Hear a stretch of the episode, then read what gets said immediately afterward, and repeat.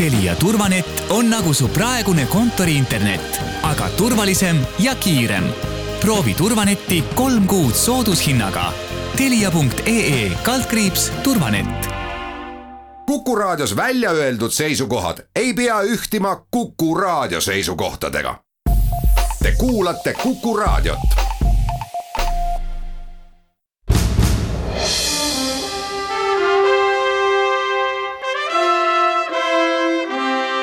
vahetund Postimehega.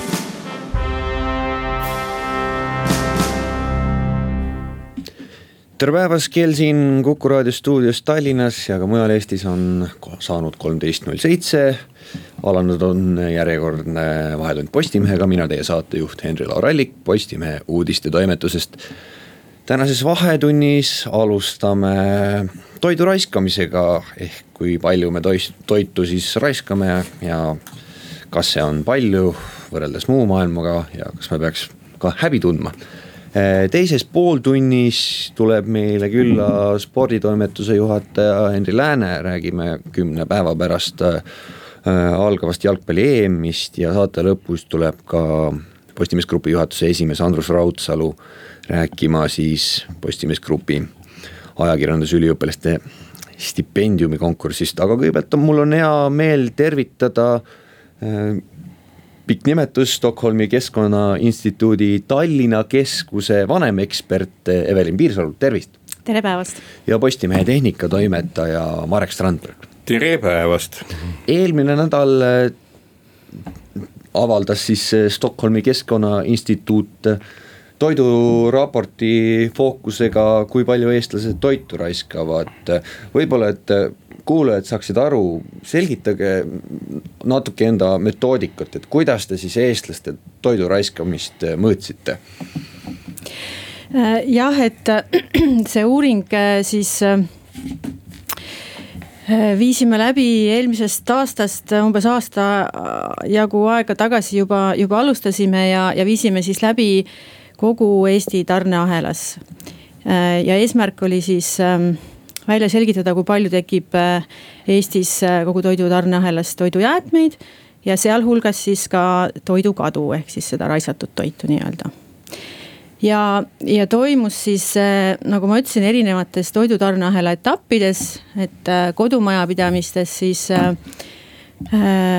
perekonnad, üks circa kahe, sada perekonda siis kahe nädala jooksul kaalusid kodudes oma toidujäätmeid, mis neil tekkis kui palju neil tekkis, miks neil tekkis ja, ja mida neil täpsemalt siis, äh, siis tekkis ja kirjutasid kõik täpselt ülesse ja siis sealt edasi siis tegime, äh, analüüsisime ja tegime järeldusi.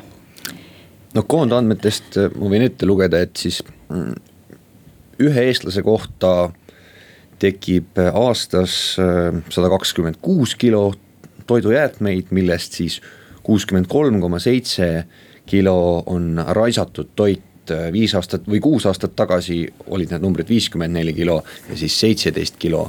Ehm, Marek, kas see on palju või äh, Evelin, on, on see palju, kas see on murettekitav? Oh, ma siis kommenteerin, see ei ole üldse murettekitav miks ta peaks olema, kui me vaatame konteksti, noh, mida selles uuringus tuuakse vähem välja, aga Stockholmi Keskkonnainstituudi see varasem uuring kahe tuhande viieteistkümnenda aasta kohta. see toob välja ka noh, nii-öelda võrdlusandmeid.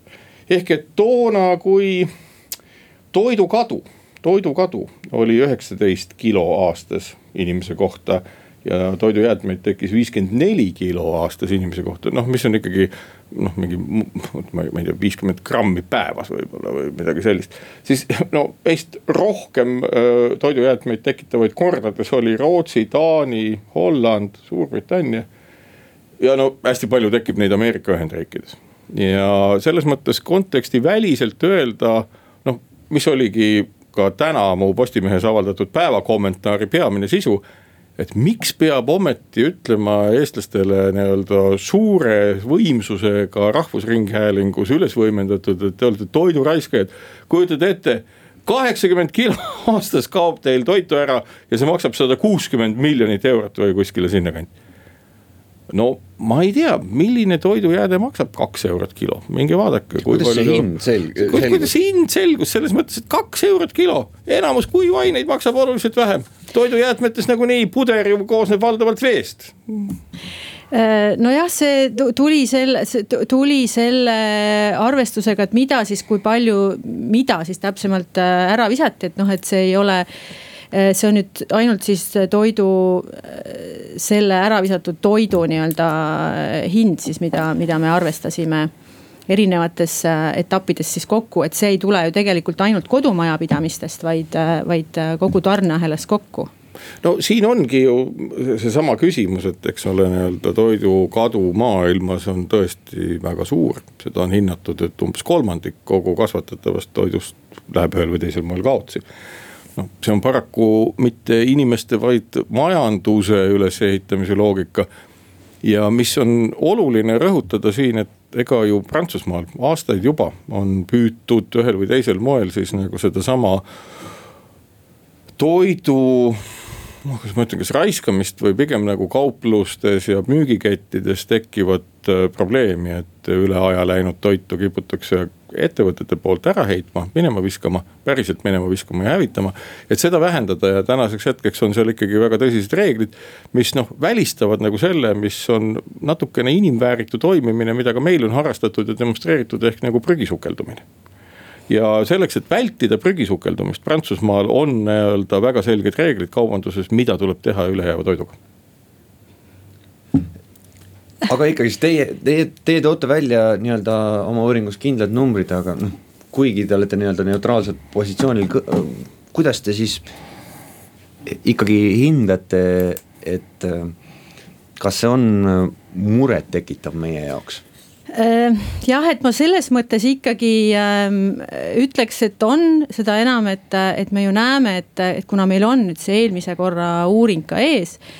et, et need numbrid on ju selgelt suurenemas ja, ja kuigi jah, et siin võrdlus oli teiste riikidega, et me ei ole võib-olla seal päris seal, kus on ähm, no me oleme isegi, ma lihtsalt vahele ütlen, me oleme kordades alla maailma keskmist, maailma keskmist ehk me peaksime rõõmu tundma, et meil on nagu hästi läinud, et me ei ole küündinud üldse nii lähedal et äh, aga, aga selge on see, et, et kõige rohkem läheb ikkagi raisku praegu kodumajapidamistes ja, ja need numbrid on seal kodumajapidamistes äh, tõusmas. Äh, ja, ja selge on ka see, et sellel toidul tegelikult, mida me ära viskame, sellel on ju selge keskkonnamõju, et sellel raisatud toidu jaoks on ju kulunud hulga ressurssi ja energiat ja vett selle tootmiseks. ma tegin eelmine nädal sama katse, ma vaatasin ka, kui palju mul jääke tekib. kompostikast sai oma kaheksa kilo nädalas kahe inimese ja ühe koera peale. teeme siin väikse reklaamipausi ja kohe jätkame ja proovime rääkida ka lahendustest, meil on aega vähe ja ka Covidi mõjust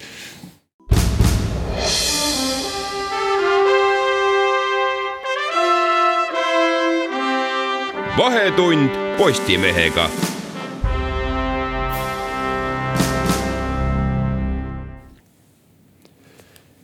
tere tulemast tagasi, kõneleme ikka toidu raiskamisest. võib-olla Evelin Piirsalu räägib äh, aktuaalselt, kuidas Covid mõjutas eestlaste nii-öelda toiduharjumusi ja nii-öelda raiskamisharjumusi äh, no kindlasti mõjutas äh, tarbimise harjumis, harjumisi, harjumusi ja, ja, ja, ja käitumist, et, et suurenes äh, noh, loomulikult vähenes, eks ju, väljas söömine, väljas söömine, mis tähendab seda, et, et et see toidu tegemine ja, ja kõik see liikus äh, kodudesse. seetõttu osteti rohkem sisse ka toidukaupa, et, et toidu poes käimine ja, ja toidu ostmine suurenes. iseenesest hinnanguliselt need äh, perekonnad, kes meil äh, uuringus osalesid, ei öelnud, et neil nagu väga palju äh, suurenes toidu raiskamine, et, et paljud seal tegelikult ikkagi ütlesid, et neil jäi see samale tasemele või ei muutunud või mõned ütlesid isegi, et muutus vähem või muutus vähemaks. Äh, aga lihtsalt need harjumused, äh, jah, nagu ost, ostmisharjumused ja toidu tegemise, toidu tegemine muutus selge see, et äh, üks ütleb, et äh, pole mureta, äh, raiskame väga vähe, teine ütleb, et võib-olla on, on see probleem tugev. noh, suhteline vaesus Eestis on seal kuskil kahekümne protsendi ligi, et meil kindlasti on neid inimesi, kes iga päev ei lähe täiskõhuga magama, et mis see, mis see, mis see, mis, mis see lahendus on, et palju, palju, palju mõlemad saaksid nüüd kasu ja ütleme, et see üldnumber siis, et me oleksime tublimad. lahendus on ju oma olemuselt väga lihtne, et esimene lahendus meile on välja pakkunud Toidupank, mis on toimiv süsteem.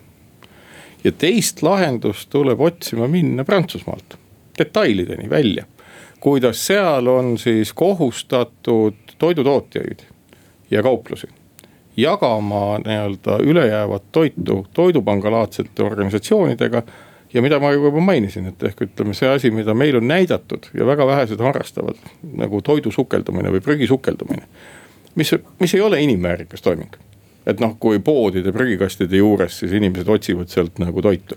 eks selle asemel ongi Prantsusmaal seadusega reguleeritud see, kuidas käidelda toitu, mida ei tohi ära visata ja mis tuleb jagada inimestele erinevate mehhanismide kaudu. Ja me peame rakendama täpselt sama asja ja sellega vältima kvaliteetse toidu minema viskamist, mida ei harrasta mitte kodumajapidamised, oleme täpsed, vaid kauplused ja kuna kauplustega tegeleb meil majandusministeerium, siis nende jaoks on see ja ka võib-olla rahandusministeerium mingis regulatsioonis. siis nende jaoks on see väga valus punkt, kui kauplused peavad midagi tegema kohustuslikus korras, et inimestel hästi läheks. ja selles osas nii-öelda toidupanka noh, tuleb kiita, toetada ja luua seaduslikud võimalused, et neisse ja nendelaadsetesse organisatsioonidesse rohkem kvaliteetset ja söögiskõlblikku toitu läheks ja need on lahendused noh, globaalselt me võime jäädagi tundideks rääkima sellest, mida peaks tegema põllumajanduses ja kaubanduses, aga need on kohalikud asjad ja Prantsusmaa on selle lahendanud. Teie olete neid äh, lülisid näinud. Äh, jah ma olen sellega täiesti nõus tegelikult, et, et see, et meie Eesti Toidupank on äh, teinud väga tänuväärset tööd. ja, ja on, on kõvasti arenenud viimastel aastatel ja, ja kindlasti see areng ka jätkub ja, ja ka poodide poodide poolt annetatav toidukogus ju kogu aeg tõuseb ja, ja tõuseb ka see osakaal. aga noh, teisalt äh, tuleb siin äh, mõelda ka seda, et ka siin tegelikult on, äh, on nii-öelda tarbija käes ka võimalused, et, et, et meil inimesed on kahjuks jõudnud sellisesse või see ei ole iseenesest kahjuks, et me oleme jõudnud ju heasse elujärge, eks ju. kus meil on, poed on kaupa täis ja, ja tegelikult ka inimesed on harjunud sellega, et ma peaks minema ka pühapäeva õhtu kell äh, kümme poodi ja mul poes on kõike kaupa saada, kõik on lookas. Ja, ja, ja see ja neid valikuid ja seda oodatakse, et kui seal seda siis ei ole, siis tegelikult tarbijad on väga pahased, aga kõik see selline mitmekesisus ja, ja kaubarohkus äh, tegelikult äh, viib ka sinna, et, et, et seda toitu seal ka poodides äh, rohkem järgi jääb. ja, aga sa, samas, eks ole, et inimesed, kes jaksavad maksta, nende jaoks on see küllus, värskus, argument. ja ega nüüd see, et on ju parim enne peale trükitud, see ei tähenda seda, et sekundi pealt või ka päeva või isegi pikemate aegade pealt see toit kvaliteedi kaotab, ei kaota.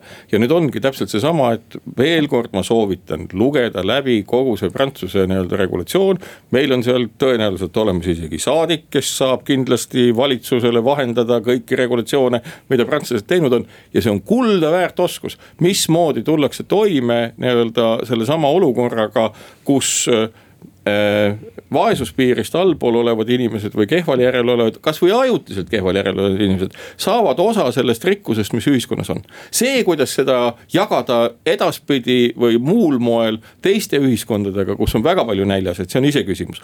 aga rõhuda Eesti kodaniku südametunnistusele, et kuna tema viskab toitu ära, siis kusagil maailmas on miljardeid näljas olevaid. see on absurd, sellise kommunikatsiooni ülesehitamine on jabur, sellepärast et asjaolu, et meil raisatakse toitu ei ole võimalik muuta selleks, et keegi sellest raisatud toidust toitunuks saaks. see on jabur, sellist asja ei tohiks teha ja see, mida kommunikatsioonis on tehtud, see on alatu ja kohatu. ehk et lahendada tuleb probleeme põhjustel mis nad tekitavad ja, ja, ja neid tuleb vaadata ja ütleme veel kord. see, et eestlased raiskavad nii-öelda kodumajapidamistes toitu vähem kui maailmas keskmiselt seda tehakse, ei muuda ühelgi moel võimalikuks, et me lahendame ära kolmanda maailma näljaprobleemi jah, see, selle vastu ma ei vaidle, et see, et see tõesti nii on ja ma ei olegi seda. ei, selles töös ja, ei ole. jah, et meie ei ole sellest. kindlasti seda, seda öelnud, et see võiks kuidagi niimoodi toimida, aga ma olen nõus sellega küll, et, et meil Eestis on tegelikult ka küllalt palju neid äh, puudust kannatavaid ja. Äh, inimesi, kelleni võiks äh, vähemasti osa või nii palju kui võimalik sinna, sinna jõuda. aga ole, ole, olete nõus sellega, et nagu riik kohustades kaubandusettevõtteid teistmoodi toimima ja toetama toetama toidupangalaadseid aktiivsusi just nimelt ja tegevusi just nimelt toidu, mis muidu ära visataks. annetamisega ja jagamisega, et see võiks olla mõistlik ma olen äh, nõus sellega, et, et see, et see osakaal, mida, mida siis anneta-, mida, mida poed äh, või ka no toidutööstuses on seda vähem, aga, aga näiteks ka toitlustuses äh, tegelikult see on veel täiesti selline äh, noh, seal on veel palju arenguruumi, eks ju, kuidas toitlustuses, äh, kuidas seda toitu äh, et see jõuaks annetusse. prantslased on ka selle lahendanud. Äh, jah, aga, aga noh, seal on tegelikult tulevad seal ka mängu igasugused võib-olla ka mingisugused toidu ohutuse hügieeninõuded, et mida, mida siis toitlustuses saab annetada või mitte, et seal kindlasti on võimalik ka üle vaadata võib-olla seadus, seadusi, et et, äh, et mis on muudes riikides, mis noh, Hollandis tegelikult on, on ka hea näide, kus äh, on ähm, selline toitlustusest tulev annetamine võib-olla rohkem ka kasutuses. kas esimene selline väike samm ei oleks äh, tuua tabu alt ära prügi sukeldamine, et ma, et nii-öelda prügisukeldajad ei peaks illegaalselt kuskil öösel käima toitu otsimas, sest ma toon näite Tartust kus on linna peal kolm, nüüdseks juba kolm toidu jagamiskappi, mille ühe, ühed kõige suuremad panustajad on just äh, sukeldujad, kes äh, mööda, mööda linna autoga käivad, pagasnikud äh, laevad täis, aga nad peavad seda illegaalselt tegema ma tahangi öelda, et see ongi lahendus selles mõttes, et prantslased on sellest aru saanud ja nad on nagu legaliseerinud mitte prügi sukeldumise, vaid selle, et seda vaheetappi, prügi sukeldumist nagu ei olegi vaja. ehk et kauplustel on kohustus tegelikult jagada äh, parim enne või ära visatav toit juba selliste organisatsioonidega ja seda lahendada. et kauplused ise ei peaks äh, vaeva nägema, nad võivad, nende tegevus on jätkuvalt äh, sama, aga et prügisukeldaja ei oleks nii-öelda kriminaal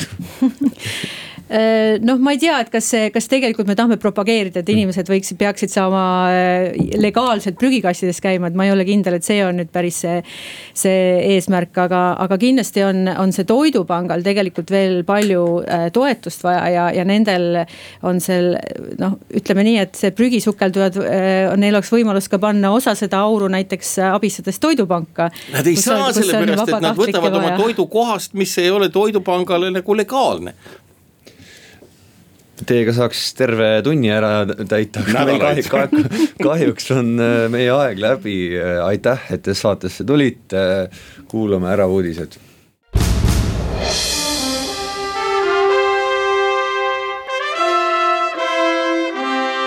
vahetund Postimehega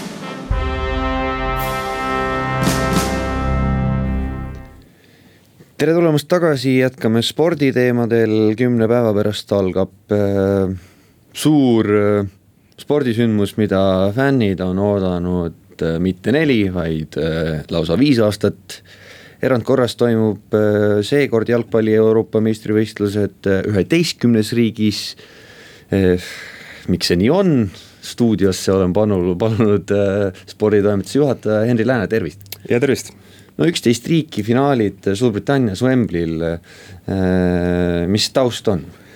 taust on äh, tegelikult üpris lihtne, äh, sellest võiksime rääkida, ma arvan, siin kaks tundi ka, aga, aga üritan kiirelt kokku võtta, et ähm, alguses, kui, kui hakati otsima kahe tuhande kahekümnenda aasta EM-finaalturniiri korraldajat, siis äh, olid seal erinevad soovijad, oli näiteks Türgi, kes soovis, kes soovis võtta, oli näiteks ka Aserbaidžaan aga nii, nii Istanbul kui ka Baku siis äh, vastavalt langesid valikust sellepärast lõpuks välja, et nad tahtsid ka suveolümpiat võõrustada, noh, mis nüüd hiljem.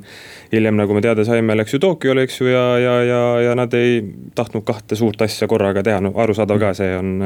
on, on, on selline Kolgata tee, et, et seda ei soovi oma vaenlasele ka.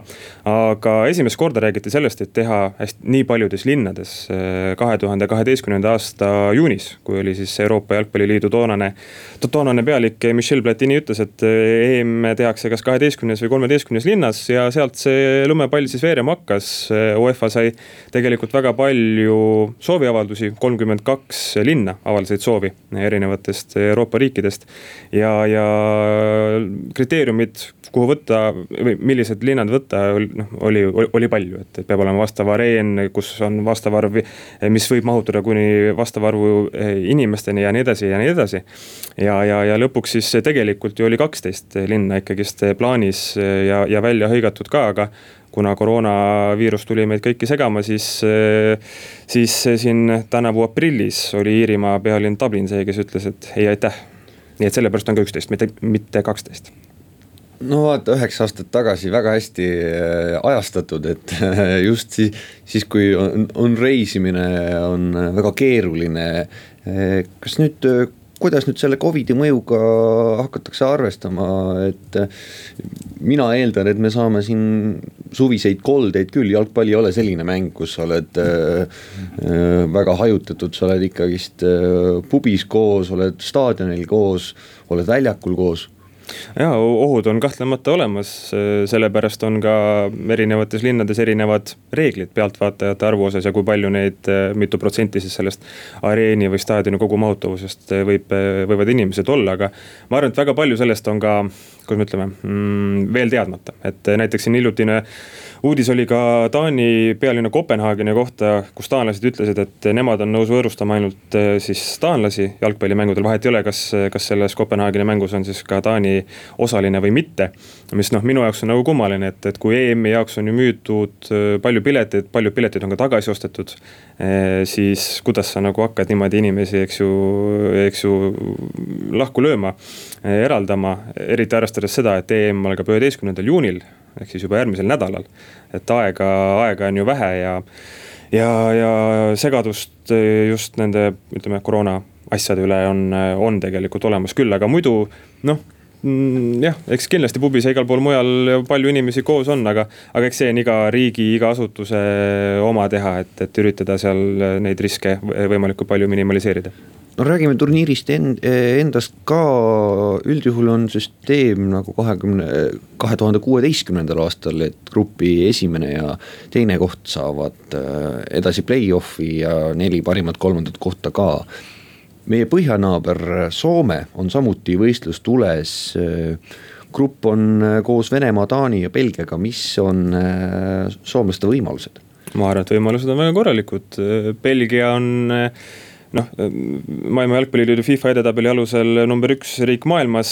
FIFA edetabel on muidugi selline asi ka, et selline nagu homne ilmateade, et ega, ega ta nüüd sada protsenti täpne alati ei ole, aga, aga ta annab ikkagist enam-vähem mingisuguse aimduse nagu ära ja, ja, ja Taani ja Venemaa puhul Soomele kindlasti võidetavad vastased, et eh, Soome siin ju ka valitsevad maailmameistrit Prantsusmaad, mitte liiga hiljuti võitnud kaks-üks. Eh, see on küll kindlasti selline, ütleme friik-tulemus, et, et sellist asja ei tasu igapäevaselt oodata, aga, aga kindlasti on soomlastel eh, väga korralikud võimalused. surmagruppe on ainult üks, Saksamaa, Prantsusmaa, Ungari ja ka nii-öelda tiitlikaitsja Portugal, kas Portugalil on väga raske seda kaitsta juba alguses sellises äh, grupis? noh, kui mälu mind ei peta, siis kaks tuhat kuusteist EM-il äh, oli ka niimoodi, et Portugal tegi alagrupi turniiril kolm viiki, pääses siis selles äh, kol alagruppide kolmandate võistkondade tabelis, pääses tänu sellele edasi, et nad seal viimase kahe hulka ei mahtunud.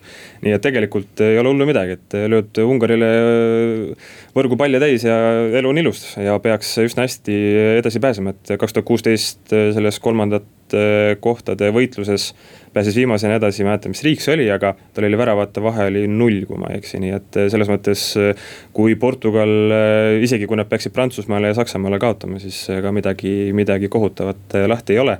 ja mm, see on kindlasti kõige põnevam alagrupp, aga päris kindel on minu arust ka see, et nii Portugal, Prantsusmaa kui ka Saksamaa lähevad ikkagist edasi noh, favoriite on rääkides siis nendest, on lisaks veel ka Inglismaa, Hispaania ja Belgia võib-olla ka võib mainida Itaaliat, aga äh, mulle tundub, nagu ma enne sinuga vestlesin ka, et sporditoimetus on ka üpris kindel, et Prantsusmaa on see nagu äh, kõige tugevam. mina ei näe mitte ühtegi muud varianti ausalt öeldes, et äh, valitsevad maailmameistrid, see on kõnekas fakt, kuigi noh, ega see, mhm. see ise ju väravaid ei löö, aga prantslaste koosseis on selline, et võtta sealt need kõige tugevamad üksteist meest ära see teine koosseis oleks endiselt soosikute hulgas, et see, ma arvan, annab kõige paremini edasi selle, miks on Prantsusmaa nii suur, nii suur soosik ja favoriit ja, ja nüüd selleks turniiriks seal kutsuti koondisesse tagasi ka.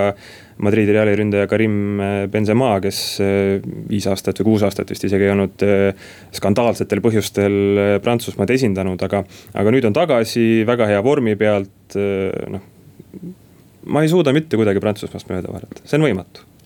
Turniiri kindlasti kõige suurem staar või kõige suuremad ootused on äh, Kylian Mbappele ja võib seal teisi mehi ka välja tuua, aga tema on, tundub nagu ikkagi ka number üks mees. jaa, ründemängu mõttes kindlasti, et äh, kõige nimekam ta on ähm, väga hea mängija on ju ka mõistagi, et, et. ja pealegi Prantsus-, see, mismoodi Prantsusmaa mängib nii taktikaliselt kui siis ka need mängijad, kes äh, Mbappet äh, ümbritsevad. ma arvan, need kõik sobivad Mbappele ka nagu suurepäraselt, et täiendavad teda, annavad talle selle mm, vabaduse teha seda, mida tema kõige paremini oskab ja, ja, ja kindlasti ei oleks ju mingisugune ime, kui ta oleks, oleks EM-i parim väravakütt lõpuks. kellest me ilma jääme, keda me ei näe, me oleme kuulnud, et Rootsi ähm, jumal Zlatan äh, ei tule, aga on ju veel kahtlusi ja äh, näiteks Belgia poolt Kevin De Bruyne, äh, kelle, kes siin meistrite liiga finaalis eelmisel laupäeval sai päris kõva vopsu ja, ja sinikas oli suur ja. ja pisarad tulid ka silmadest, silmadest suisa välja. no tema puhul öeldakse küll, et kahtluse all, aga, aga kindlasti ta on ju koondises olemas, isegi kui ta näiteks alagrupi turniiril ei mängi, siis kindlasti teda putitatakse nii nii võimsalt korda, kui üldse vähegi võimalik on, et ma usun, et ta kindlasti mängib. Hispaania poolelt ei ole näiteks äh, Sergio Ramost, aga noh, eks tema ka on äh, vigastustega võidelnud ja, ja, ja arusaadav. Saksamaa poolt näiteks Marco Rossi ei ole kes ise, ise loobus, viidates sellele, et eh, see koroonapandeemia tõttu see viimane klubihooaeg oli nii tihe ja, ja kuna ta selline klaasmees on ka, siis eh, ei, ei taha nagu riskida. aga hea meel on see, et kuigi noh, nipet-näpet mängijaid on, keda me EM-il ei näe, siis sellist ühte suurt jalgpalliriiki, keda me EM-il ei näe, seda ei ole. et muidu eelnevatel su suurturniiridel on ikka olnud, et kas siin Holland jäi eemale või Itaalia jäi eemale, siis seekord on ikkagist koorekiht on kohal Postimees ise küll mänge ei näita, aga ma saan aru, sporditoimetus saateid teeb jaa, igal reedel alates üheteistkümnendast juunist avaldame videosaate Postimehe veebis, mis on pühendunud jalgpalli EM-ile ja. ja seesama, sama saade helina siis ilmub ka Kuku raadios, samuti reedeti kaheksateist null viis kuni kaheksateist kakskümmend viis ta eetrisse läheb ja ega muidu ikka veebiportaalis ja paberlehes nii palju kütame, kui vähegi põhjust on. aitäh saatesse tulemast, kuulame ära reklaamid.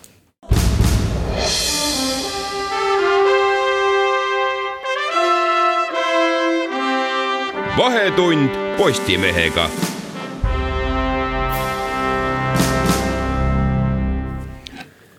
Tere tulemast tagasi, Postimees Grupp on alates kahe tuhande kuueteistkümnendast aastast siis välja andnud stipendiumine äh,, nii-öelda ajakirjandusüliõpilaste stipendiumi. Eh, erialase toe jaoks, eh, nii ka seekord eh, viiele bakalaureuse tasemel üliõpilasele neli tuhat eurot ja ühele magistri üliõpilasele kümme tuhat eurot. selleks olengi palunud stuudiosse Postimees Grupi juhatuse esimehe Andrus Raudsalu, tervist. tere pärastlõunat minu poolt ka tähtaeg, kandideerimistähtaeg on kolmteist juuni, aga kui nüüd rääkida sellest taustast, siis kunagi see mm, esiteks olles ise ka ajakirjandust õppinud äh, ja ka sellel konkursil äh, kaks korda kandideerinud, siis objektiivselt võib öelda, et ainus tõsine koht, kus üldse ajakirjanikud võivad mingit tuge õpinguteks saada, noh kui välja jätta grandid, kus sa üldjuhul pead mingi pika uurimuse tegema ja noh, sellega tegelema, aga selline konkreetne tugi, see on nagu ainus tõsine koht, kus sa kandideerid koos ajakirjanikega. see fond jätkuvalt on üleval, Postimees Grupp annab seda välja. miks see nii on? no väga lihtsatel põhjustel, eks meie jaoks on ju väga oluline see, et, et, et, et Postimees oma pika ajaloo vältel on olnud siis kogu aeg see koht, kus, kus seda ajakirjanduslikku tegevust Eestis viljeleda saab ja, ja, ja me tahaksime, et see ka jätkuks samamoodi, aga selleks, et seda üldse teha, on loomulikult vaja ajakirjanikke, et, et kui ajakirjanike peale ei kasva, siis noh, paraku ühel hetkel see tegevus katkeb. Ja ega siin me tunneme väga selget vastutust just selleks, et et, et, et seda nii-öelda pealekasvavat põlvkonda ka tuleks ja et nad oleksid motiveeritud ja noh, ega teised, teiselt poolt on meil loomulikult siin väike omakasupüüdlik soov ka, et, et lõppkokkuvõttes me ju saame siis ägedate uute ajakirjanikega juba kohe sihukese väikese omavahelise sideme tekitada ja. ja noh, tõepoolest, võib-olla mõni neist tuleb ka hiljem meie juurde tööle mis tulemusi te olete näinud, nüüd on, nüüd on kuues aasta, mis tulemusi te olete näinud nii stipendiaatidelt kui ka, kui ka sellelt fondilt endalt? Noh, ma peaks ütlema, et me tegelikult oleme väga rahul sellega, mm. mis on toimunud, et, et me oleme äh, vaatasin just üle, oleme kokku jaganud välja natuke üle saja kahekümne tuhande euro Äh, millest siis üle kahe, kaheksakümne tuhande siis bagi-, bakalaureuseõppes ja, ja, ja nelikümmend tuhat magistriõppes. ja kokku on siis äh, sellest grandivoorudest läbi käinud või õigemini seda granti saanud kakskümmend kolm bakalaureust ja neli magistrit ja, ja hetkel näiteks võime kohe öelda, et üheksa nendest baka toetuse saajatest on täna Postimees Grupis tööl erinevatel töökohtadel mm.. ja, ja, ja, ja kui me nüüd räägime sellest, et, et, et kas noh, mis need ülejäänud teevad, siis tegelikult praktiliselt kõik need ülejäänud on kuidagi meiega seotud moel või teisel, noh, kas siis kaastöölistena, kas nad on olnud mingil hetkel meie juures tööl ja nüüd täna teevad lihtsalt kaastööd äh, freelancer itena, nii et, nii et tegelikult meil side nagu kõikide, praktiliselt kõikide nende toetuse saajatega on olemas ju siis töötavad aja, ajakirjanduses suuremal jaolt. ja, ja, ja kõik, kõik toetavad, kõik töötavad ajakirjanduses jah mm. -hmm. kas on plaan ka jätkata ja kui kaua? või pole isegi mõeldud, et lõpetame ära? me jah, me mhm. ikkagi näeme seda nagu pikaajalise projektina, et, et, et me ei ole mingisugust lõpukuupäeva mhm. pannud, nii et jätkame tõenäoliselt järgmisel, ülejärgmisel ja, ja, ja, ja kõikidel järgnevatel aastatel ja ma arvan, et see on ka oluline, see on oluline ka võib-olla selle jaoks just, et, et inimesed, kes äh, noh, eriala valikut teevad, et nad teaksid, et noh, et, et see on võib-olla ka väike stiimul, miks minna ajakirjandust õppima, et sul on nagu võimalus juba selle õpi-, õpingute ajal ühest küljest saada tuge, noh teisest küljest me kõiki neid äh, oma stipendiaate ootame alati enda juurde ka praktiseerima, et noh, et on olemas ka selline noh, tugev praktikakoht kohe võtta. võib-olla räägite siis tulevastele kandidaatidele, et mida, mida te ootate neilt lisaks äh, nii-öelda äh, kandideerimisdokumentidele ja et äh, kuidas see valik toimub? no siin on nüüd natuke erinev, eks, et, et esiteks, kui me nüüd alustame bakast, siis bakalaureuseõppelt me ootame kõigepealt seda, et üks aasta peaks olema juba läbitud. ehk, mm. ehk me siis hakkame seda bakalaureusõppe stipendiumi välja andma teisest nominaalõppeaastast.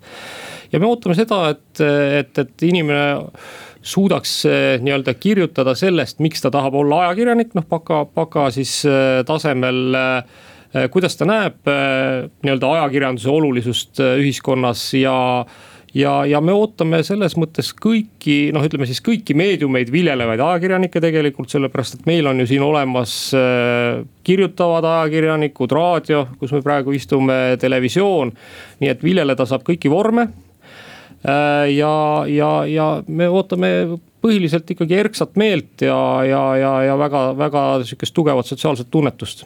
magistrikandidaatidel peaks olema suurem plaan no magistrikandidaatile jah, äh, peaks olema natuke suurem plaan, et, et, et seal me ootame juba selgelt äh, mingisugust ka nägemust, et, et, et mida siis tahetakse teha, et ja, ja, ja magistrikandidaatidega me viime läbi ka siis sihukese vestlusvooru et, et, et noh, me eeldame, et need on ikkagi inimesed, kes hakkavad tulevikus ka Eesti ajakirjandusmaastikul ilma tegema ja kes hakkavad siis noh, nii-öelda sedasama valdkonda arendama no,. algaastatel oli näha, et siis äh, enamjaolt olid stipendiaadid olid seotud nii-öelda pigem Eesti, siis toonase nime Eesti meedia omaga, nüüd on viimastel aastatel pilt on hästi mitmekesine olnud, et kõikidest meediamajadest, Äripäevast, Õhtulehest, Delfist, ERR-ist, kõik, kõikides majades töötavad ikkagist stipendiaadis, et tasub tulla kõigil tasub, tasub muidugi tulla kõigile, et, et noh, ega siis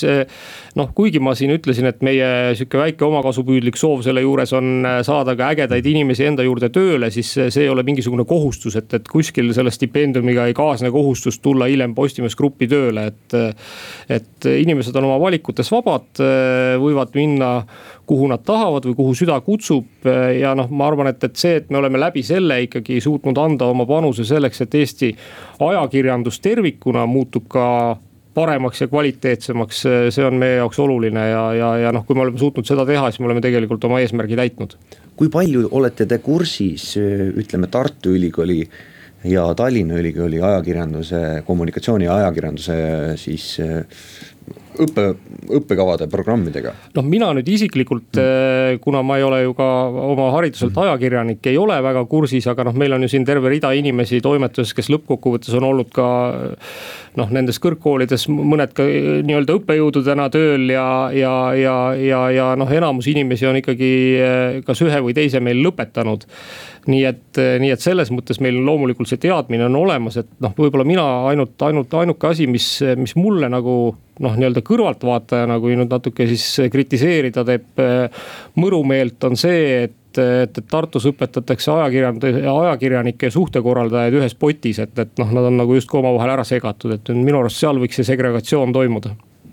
no see segregatsioon eh, on, eh, on väga hiljutine, ütleme, et ma, ma siin faktitäpsusega ei ütle seal äkki kümme kümme-viisteist aastat midagi sellist on, aga eh, kas te näete midagi, et eh,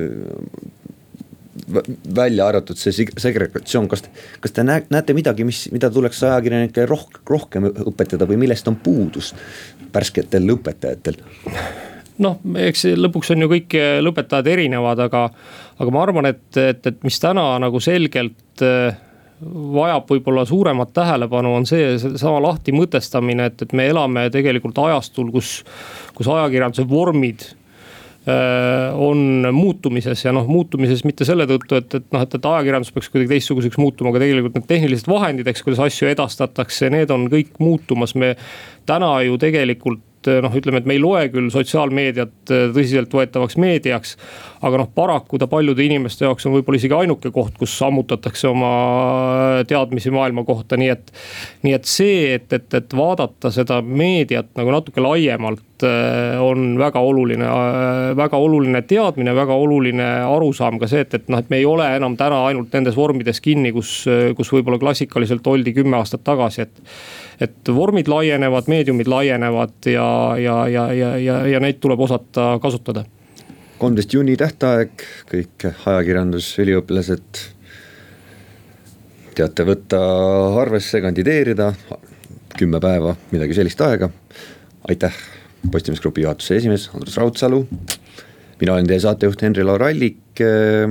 see oli tänane saade, saate kuulata seda järgi Kuku raadios ja ka Postimehes oleme eetris uuesti nädala pärast, seniks kõike head, peatse kuulmiseni.